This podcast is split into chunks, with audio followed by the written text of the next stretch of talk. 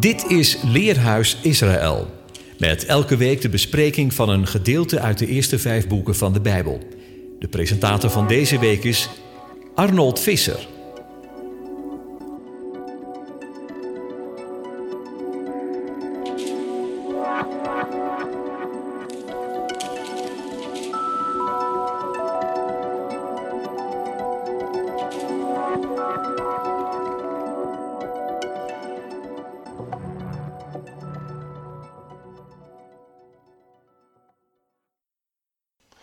Beste luisteraars, hartelijk welkom bij weer een uitzending van het Leerhuis. Shabbat Shalom. Wat heeft de natuur de afgelopen weken een prachtig mooie verandering ondergaan? We hebben een schitterend winters landschap opeens gekregen. De sneeuw is rijkelijk neergedaald en door de kou zien we ijspegels aan de huizen. En achter de rietkraag begint het water van sloten en rivieren een steeds dikkere ijskorst te krijgen. Er werd zelfs al even gespeculeerd over de tocht der tochten. Maar helaas, gezien de weersverwachting voor de komende week, lijkt dat een utopie. Ik merk in mijn omgeving dat de mensen genieten van dit natuurschoon en dat het ook de sleur van de huidige tijd met de diverse beperkingen gelukkig wat doorbreekt. De profeet Jezaja beschrijft een mooi beeld over hoe we tegen neerslag kunnen aankijken in relatie tot het woord. Er staat, want zoals de regen en de sneeuw van de hemel neerdaalt en daarheen niet weerkeert, maar doorvochtigt eerst de aarde en maakt haar vruchtbaar, en doet haar uitspruiten en geeft zaad aan de zaaier en brood aan de eter, zo zal mijn woord dat uit mijn mond uitgaat ook zijn.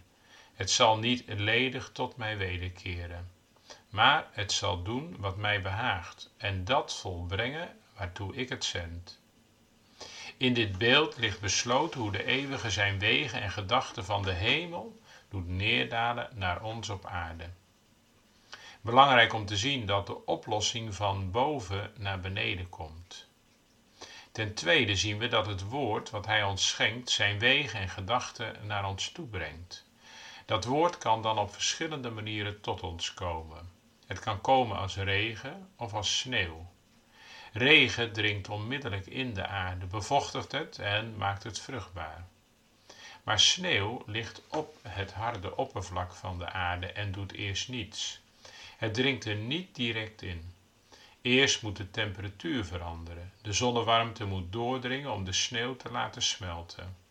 Dan pas kan de aarde het ontvangen. Er wordt wel gezegd dat gesmolten sneeuw beter voor de aarde is dan gewone regen. Zo is het ook met zijn woord. Soms komt het als regen en kunnen we het onmiddellijk in ons hart ontvangen. En soms lijkt het heel moeilijk door te dringen. We lezen in Johannes 6, vers 60 dat de discipelen zeggen: Deze reden is hard, wie kan haar aanhoren? Zo is het ook op het eerste gezicht met sneeuw. In eerste instantie lijkt het koud en onbruikbaar omdat de grond van ons hart nog niet de zachtheid heeft om haar te ontvangen. Wanneer u een mooie wandeling maakt in dit sneeuw-winterlandschap, is dit misschien nog eens aardig om te overdenken. Mocht zijn woord tot u komen als sneeuw, verwerp het niet. Wacht tot de zon van zijn liefde opkomt, zodat u dan zijn boodschap kunt ontvangen.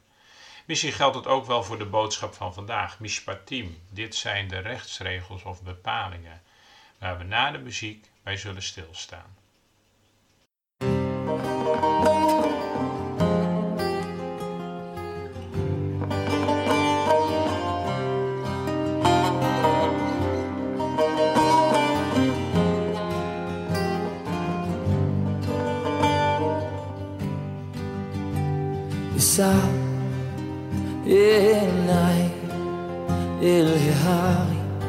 מאין יבוא עזרי, עזרי מעם אדוני, עושה שמיים וארץ.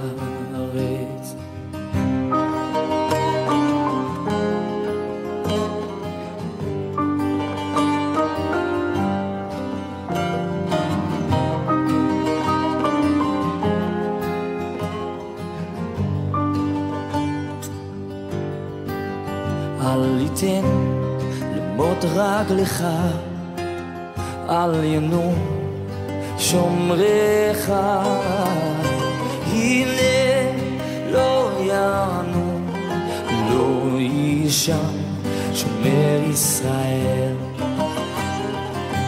לילה לילה לילה De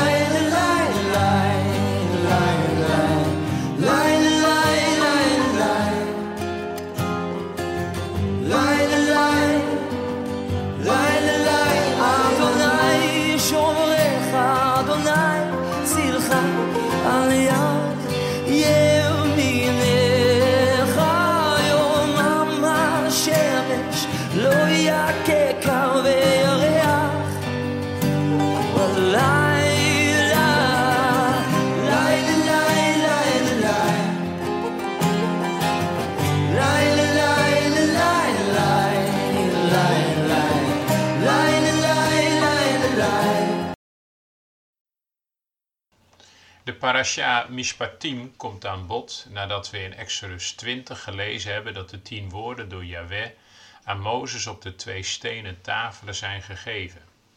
Daarin is de hoofdonderwijzing van de Torah vervat.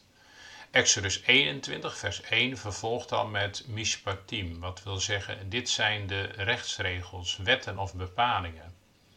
Zoals we in Nederland een grondwet hebben, zo is de Torah dit voor het Joodse volk. Gelijk kunnen we hier de gedachte bijplaatsen welke betekenis heeft de Torah voor ons als christenen. Bijzonder is het natuurlijk dat het bij de Torah niet alleen gaat om de regels en de betrekkingen in het normale leven, maar dat het bovenal gaat om de relatie tussen de mens en de eeuwige. Het Hebreeuwse woord voor recht, mishpat, staat voor de betekenis die loopt vanaf wat gebruikelijk tot aan wat wettelijk verplicht is. Het duidt een hele reeks begrippen aan. De basis is dat iets vaststaat, waar je zeker van kunt zijn. Uiteraard vinden we het woord in de Torah. In Deuteronomium gebruikt Mozes het regelmatig om aan te geven wat goed en recht is. En benadrukt dat dit niet zomaar voorschriften zijn. Geen van de wereldrijken van die dagen kende zulke wetten. Er staat welk volk, hoe groot ook, heeft wetten en een mispat zo rechtvaardig als het onderricht dat ik u nu geef. Die regels betreffen de verhouding tot de ene zelf en tot de naaste, maar ook tot de vreemdeling en de sociaal zwakke in de maatschappij. Er staat vervloekt is een ieder die de mispat van de vreemdelingen, weduwen en wezen schendt. In deze parasha krijgt het volk een aantal sociale voorschriften, zoals dat slaven of dienaren moeten na zes jaar vrijgelaten worden, of eerder wanneer het jubeljaar arriveert. Onderscheid tussen koelbloedige moord en doodslag. Schaderegelingssystemen voor het aanbrengen van letsel. Eigenaren van dieren moeten ervoor zorgen dat ze geen schade veroorzaken. Zelfverdediging is toegestaan en verantwoordelijkheden voor huurder en lener. Renteheffing is verboden. Gevonden voorwerpen moeten we weer terug naar de oorspronkelijke eigenaar brengen. Sabbat en jubeljaar krijgen hun voorschriften. Hoe te verschijnen op Pesach, Shavuot of Sukkot. En de eeuwige belooft om de volkeren te helpen te verdrijven. De schriftgedeelten bij deze parasha zijn de Torahlezing uit Exodus 21 vers 1 tot 24 18. De Haftarah-lezing is uit Jeremia 34 het 8 vers tot 22 en in 33, 25 en 26. En het Tweede Testament geeft de lezing uit Matthäus 17, 1 tot 11. In Jesaja 41, het vierde vers staat: Mijn volk luister aandachtig naar mij. De wet vindt zijn oorsprong in mijn. In mijn mispat zal een licht zijn voor alle volken. Waarop we de woorden van de profeet Micha kunnen laten aansluiten, die zegt: Wat er van de mens wordt verwacht, er is jouw mens gezegd wat goed is. Je weet wat de Heer van je wil. Niets anders dan recht, mispat te doen trouw te betrachten en nederig de weg te gaan van de ene. Kijken we nu naar het koninkrijk van de Heer, dan leert Jesaja 33, vers 22 ons: dat de Heere onze rechter, onze wetgever en onze koning is. Hij zal ons behouden. Wereldse regeringen en machthebbers zijn geneigd hun macht te misbruiken. De ene misbruikt zijn macht niet. En hij wil de mensheid juist hiermee uitsluitend zegenen. Een van de rechtsregels gaat over hoe om te gaan met een slaaf, of beter gezegd, dienaar, ebed. Er staat: wanneer je een Hebreeuwse slaaf koopt, moet hij je zes jaar lang dienen. In het zevende jaar mag hij als vrij man vertrekken zonder iets te hoeven betalen. Als hij alleen gekomen is, moet hij ook alleen weggaan. Was hij getrouwd, dan mag zijn vrouw met hem meegaan.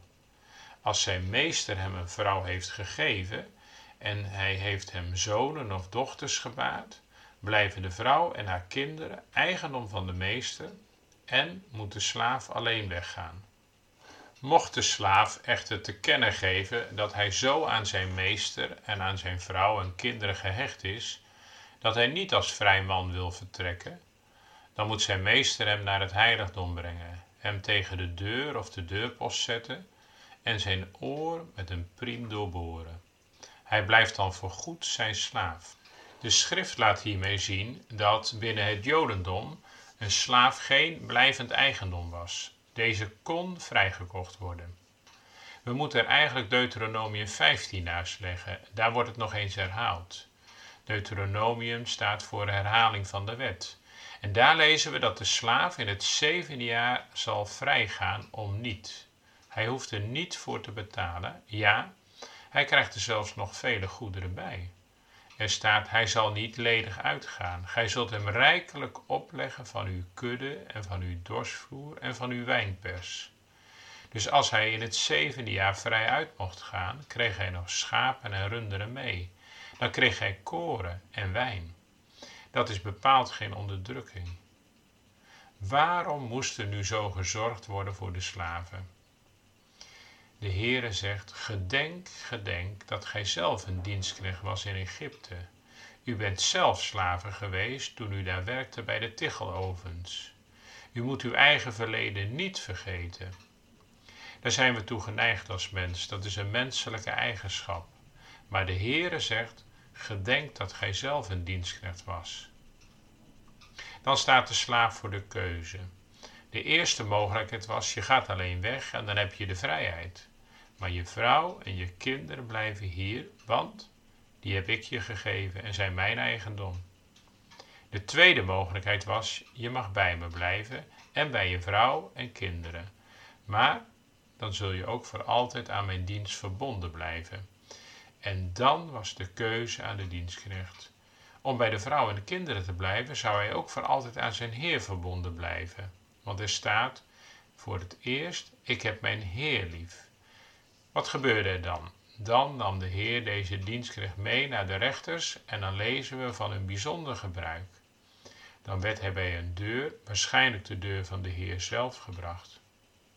En werd er een priem genomen en die ging dan door het oor van de dienstknecht.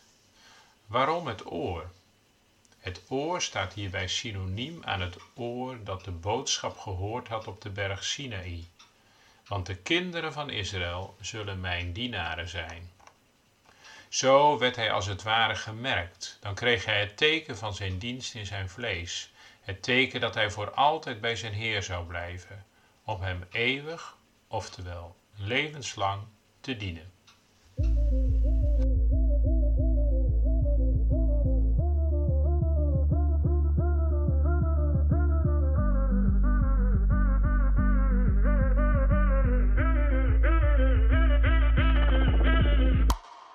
Count to three and say a prayer. Down for love and up for air. Underwater, overjoyed. Water for a thirsty soul. Water for a thirsty soul. Baptize me into your love. Oh, my spirit's overcome. Body, mind, and skin and bone.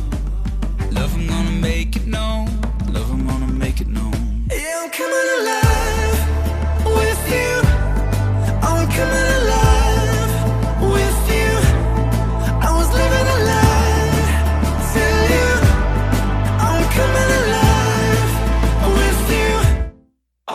você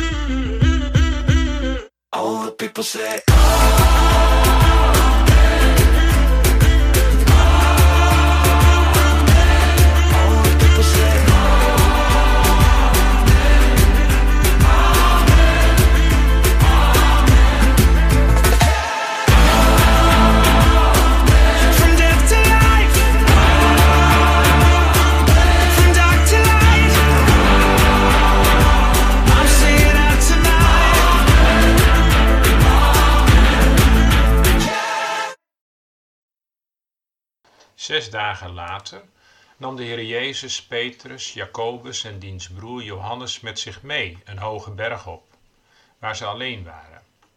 Voor hun ogen veranderde hij van gedaante. Zijn gezicht straalde als de zon en zijn kleren werden wit als het licht. Plotseling verschenen aan hen Mozes en Elia, die met Jezus in gesprek waren. Petrus nam het woord en zei: Heer, het is goed dat wij hier zijn. Als u wilt, zal ik hier drie tenten opslaan: één voor u, één voor Mozes en één voor Elia. Er was nog niet uitgesproken of de schaduw van een stralende wolk gleed over hen heen. En uit de wolk klonk een stem: Dit is mijn geliefde zoon, in hem vind ik vreugde. Luister naar hem. Toen de leerlingen dit hoorden, wierpen ze zich neer en verborgen uit angst hun gezicht. De Heer kwam dichterbij, raakte hen aan en zei: Sta op, jullie hoeven niet bang te zijn. Ze keken op en zagen niemand meer. Ze zijn er alle drie bij, de kernploeg uit het twaalftal. Petrus voorop samen met Jacobus en Johannes. Heel bewust neemt hij ze mee naar een hoge bergtop. Dat staat er nadrukkelijk bij een hoge bergtop. Niet zomaar een plek, maar een plek waar de hemel de aarde raakt. Misschien ook de berg waar hij de bergrede heeft gehouden. In elk geval is de berg een heilige berg. Zo duidt Petrus het aan in 2 Petrus 1, vers 18. Een plek waar de ene zich indrukwekkend openbaart, zoals hij zich openbaarde op de berg Sinaï, toen hij zijn tien woorden gaf aan Mozes, en zoals hij zich openbaarde aan Elia op de berg Horeb, nadat Elia een reis van veertig dagen door de woestijn had gemaakt. En ook nu vindt er een gebeuren plaats dat grote indruk maakt. De Heere Jezus verandert van gedaante. Letterlijk staat er, hij ondergaat een metamorfose. Zijn gezicht straalt als de zon en kleren worden wit als het licht. Hier zien we de luister van de glorie van zijn enige zoon, zo stralend en schitterend. Mozes, die zo dadelijk ook verschijnt, straalde en schitterde ook toen hij eens de berg afkwam, omdat hij iets van de eeuwige had gezien. Dat was al zo krachtig dat hij een sluier voor zijn gezicht moest doen, omdat hij letterlijk oogverblindend was. Maar de Heer straalt zelf van binnenuit. Hij is de oogverblindende, stralende, schitterende zoon van de Vader. En dan, dan zijn daar opeens Mozes en Elia. Ze staan daar namens de hele Tenach. Ze zijn de twee grootste profeten uit de tijd die voorafgaat aan zijn komst op aarde. Je zou kunnen zeggen, Mozes vertegenwoordigt vooral de wet en Elia de profeten, want zo wordt het Eerste Testament ook wel samengevat. De wet en de profeten. Er is nog veel meer over Mozes en Elia te zeggen. En naast dat ze allebei op een heel bijzondere manier de ene hebben ontmoet op de berg, is het leven van hen beiden niet op een gewone manier geëindigd. Mozes is gestorven terwijl niemand erbij was en is hij door de Heer zelf begraven. En Elia is zelfs niet gestorven, maar opgevaren naar de hemel in een wagen van vuur met paarden van vuur ervoor. Deze twee komen nu namens de hele tenag, namens alle reeds opgenomen gelovigen op aarde om te spreken met de Heer. Matthäus geeft niet aan waarover dat gesprek ging. Lucas wel. Ze spraken over het levenseinde dat hij in Jeruzalem zou moeten volbrengen. Te midden van al die glorie en luister en schittering en dat stralende licht voeren Mozes en Elia namens de hemel dus een gesprek met de Heer over het lijden, over zijn dood, over de weg naar het kruis. Een enorme tegenstelling. Vaak hebben we de neiging om die twee kanten van het evangelie wat tegen elkaar uit te spelen. Dan leggen we of alle nadruk op het lijden vanwege de zonde in het leven, of we leggen alle nadruk op de luister vanwege de overwinning die onze opgestane Heer heeft behaald en op de kracht die we als gelovigen mogen hebben om de zonde te overwinnen en te gaan lijken op Hem. In beide gevallen gaat het fout. Want we moeten ze helemaal op elkaar betrokken houden. Het lijden en de luister, het kruis en de opstanding. Yeshua als het lam, maar ook als de leeuw van Juda. Hier op de hoge en heilige berg komt dat samen. We zien er de luister en we horen over het lijden. Die berg, de hoge en heilige berg, is al de plek waar de hemel en de aarde elkaar raken. Maar de ene doet nog iets om duidelijk te maken dat hij zelf hier aanwezig is. Een stralende wolk. Zo'n wolk is ook het teken van zijn aanwezigheid. In Exodus 40 zien we dat de wolk de pas afgebouwde tabernakel vervult. De majesteit van de Heer vervult de ontmoetingstent. En gedurende de reis door de woestijn was er overdag steeds de wolkolom en s'nachts de vuurzuil. Beide tekenen van zijn tegenwoordigheid. En als de Heer naar de hemel gaat en opstijgt, is daar opeens ook een wolk. Dat is niet zomaar een wolk die er toevallig is, het is een teken van zijn tegenwoordigheid. Alle menselijke overwegingen verbleken hier bij zijn gedachten. Mijn wegen zijn niet uw wegen, mijn gedachten zijn niet uw gedachten. En dan klinkt er een stem uit de wolk, de stem van de Vader. Dat gebeurt in het evangelie van Matthäus nog een keer, eerder al, bij de doop in de Jordaan. En het moet ons veel te zeggen hebben dat de een op beide momenten precies hetzelfde zegt. Dit is mijn geliefde zoon, in hem vind ik vreugde. Maar er wordt nog iets aan toegevoegd. Luister naar hem. En op dit moment betekent dat vooral luister als de meester zegt dat je je kruis op moet nemen, als je hem wilt volgen. Luister als hij zegt dat je je leven alleen kunt behouden als je het verliest omwille van hem. Luister als hij zegt dat de weg naar de heerlijkheid altijd door lijden heen gaat. Want de heerlijkheid en glorie die de leerlingen nu ondergaan op de hoge heilige berg, is een voorproefje van waar het op uitloopt. Moest de Messias al dat lijden niet ondergaan om zijn glorie binnen te gaan? Het is alles zo overweldigend dat Petrus, Jacobus en Johannes zich op de grond neerwerpen en uit angst hun gezicht verbergen. Doodsangsten staan ze uit, want ze kennen het woord uit de schrift. Geen mens kan mij zien en in leven blijven. Zijn aanwezigheid is zo indrukwekkend, zo overweldigend, zo angstaanjagend. Zonder Jezus zou je er dood aan gaan. Zonder Jezus is het zien van Gods glorie het absolute einde. Maar Hij is erbij. Hij komt dichterbij. Hij, de dienaar, Ebed, raakt ze aan met zijn hand die straks doorboord zal zijn. Sta op, wees niet bang. Zijn aanraking en zijn zachtmoedige stem geven bovennatuurlijke rust, vrede en vrijheid. Ik wens u een gezegend, natuurschoon weekend en bovenal zijn allesomvattende vrede. Shabbat Shalom.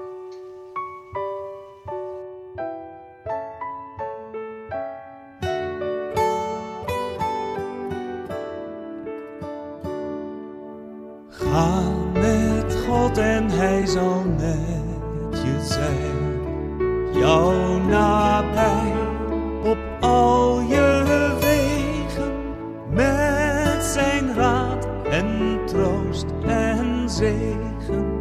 Ga met God en Hij zal met je zijn. Ga met God en Hij zal met je zijn bij gevaar in bange tijden. Over jou zijn vleugels spreiden. Ga met God en Hij zal met je zijn.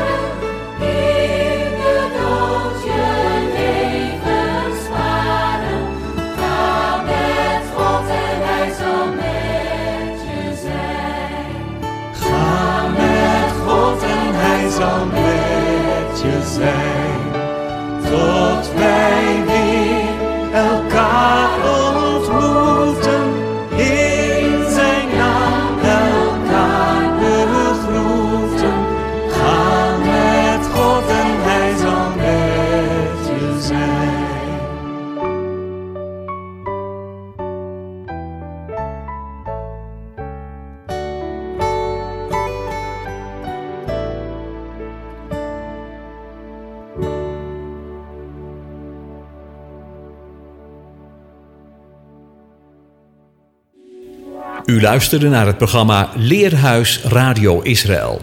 Een wekelijkse studie aan de hand van de Bijbelgedeelten die wekelijks door de Joodse gemeenschap worden gelezen.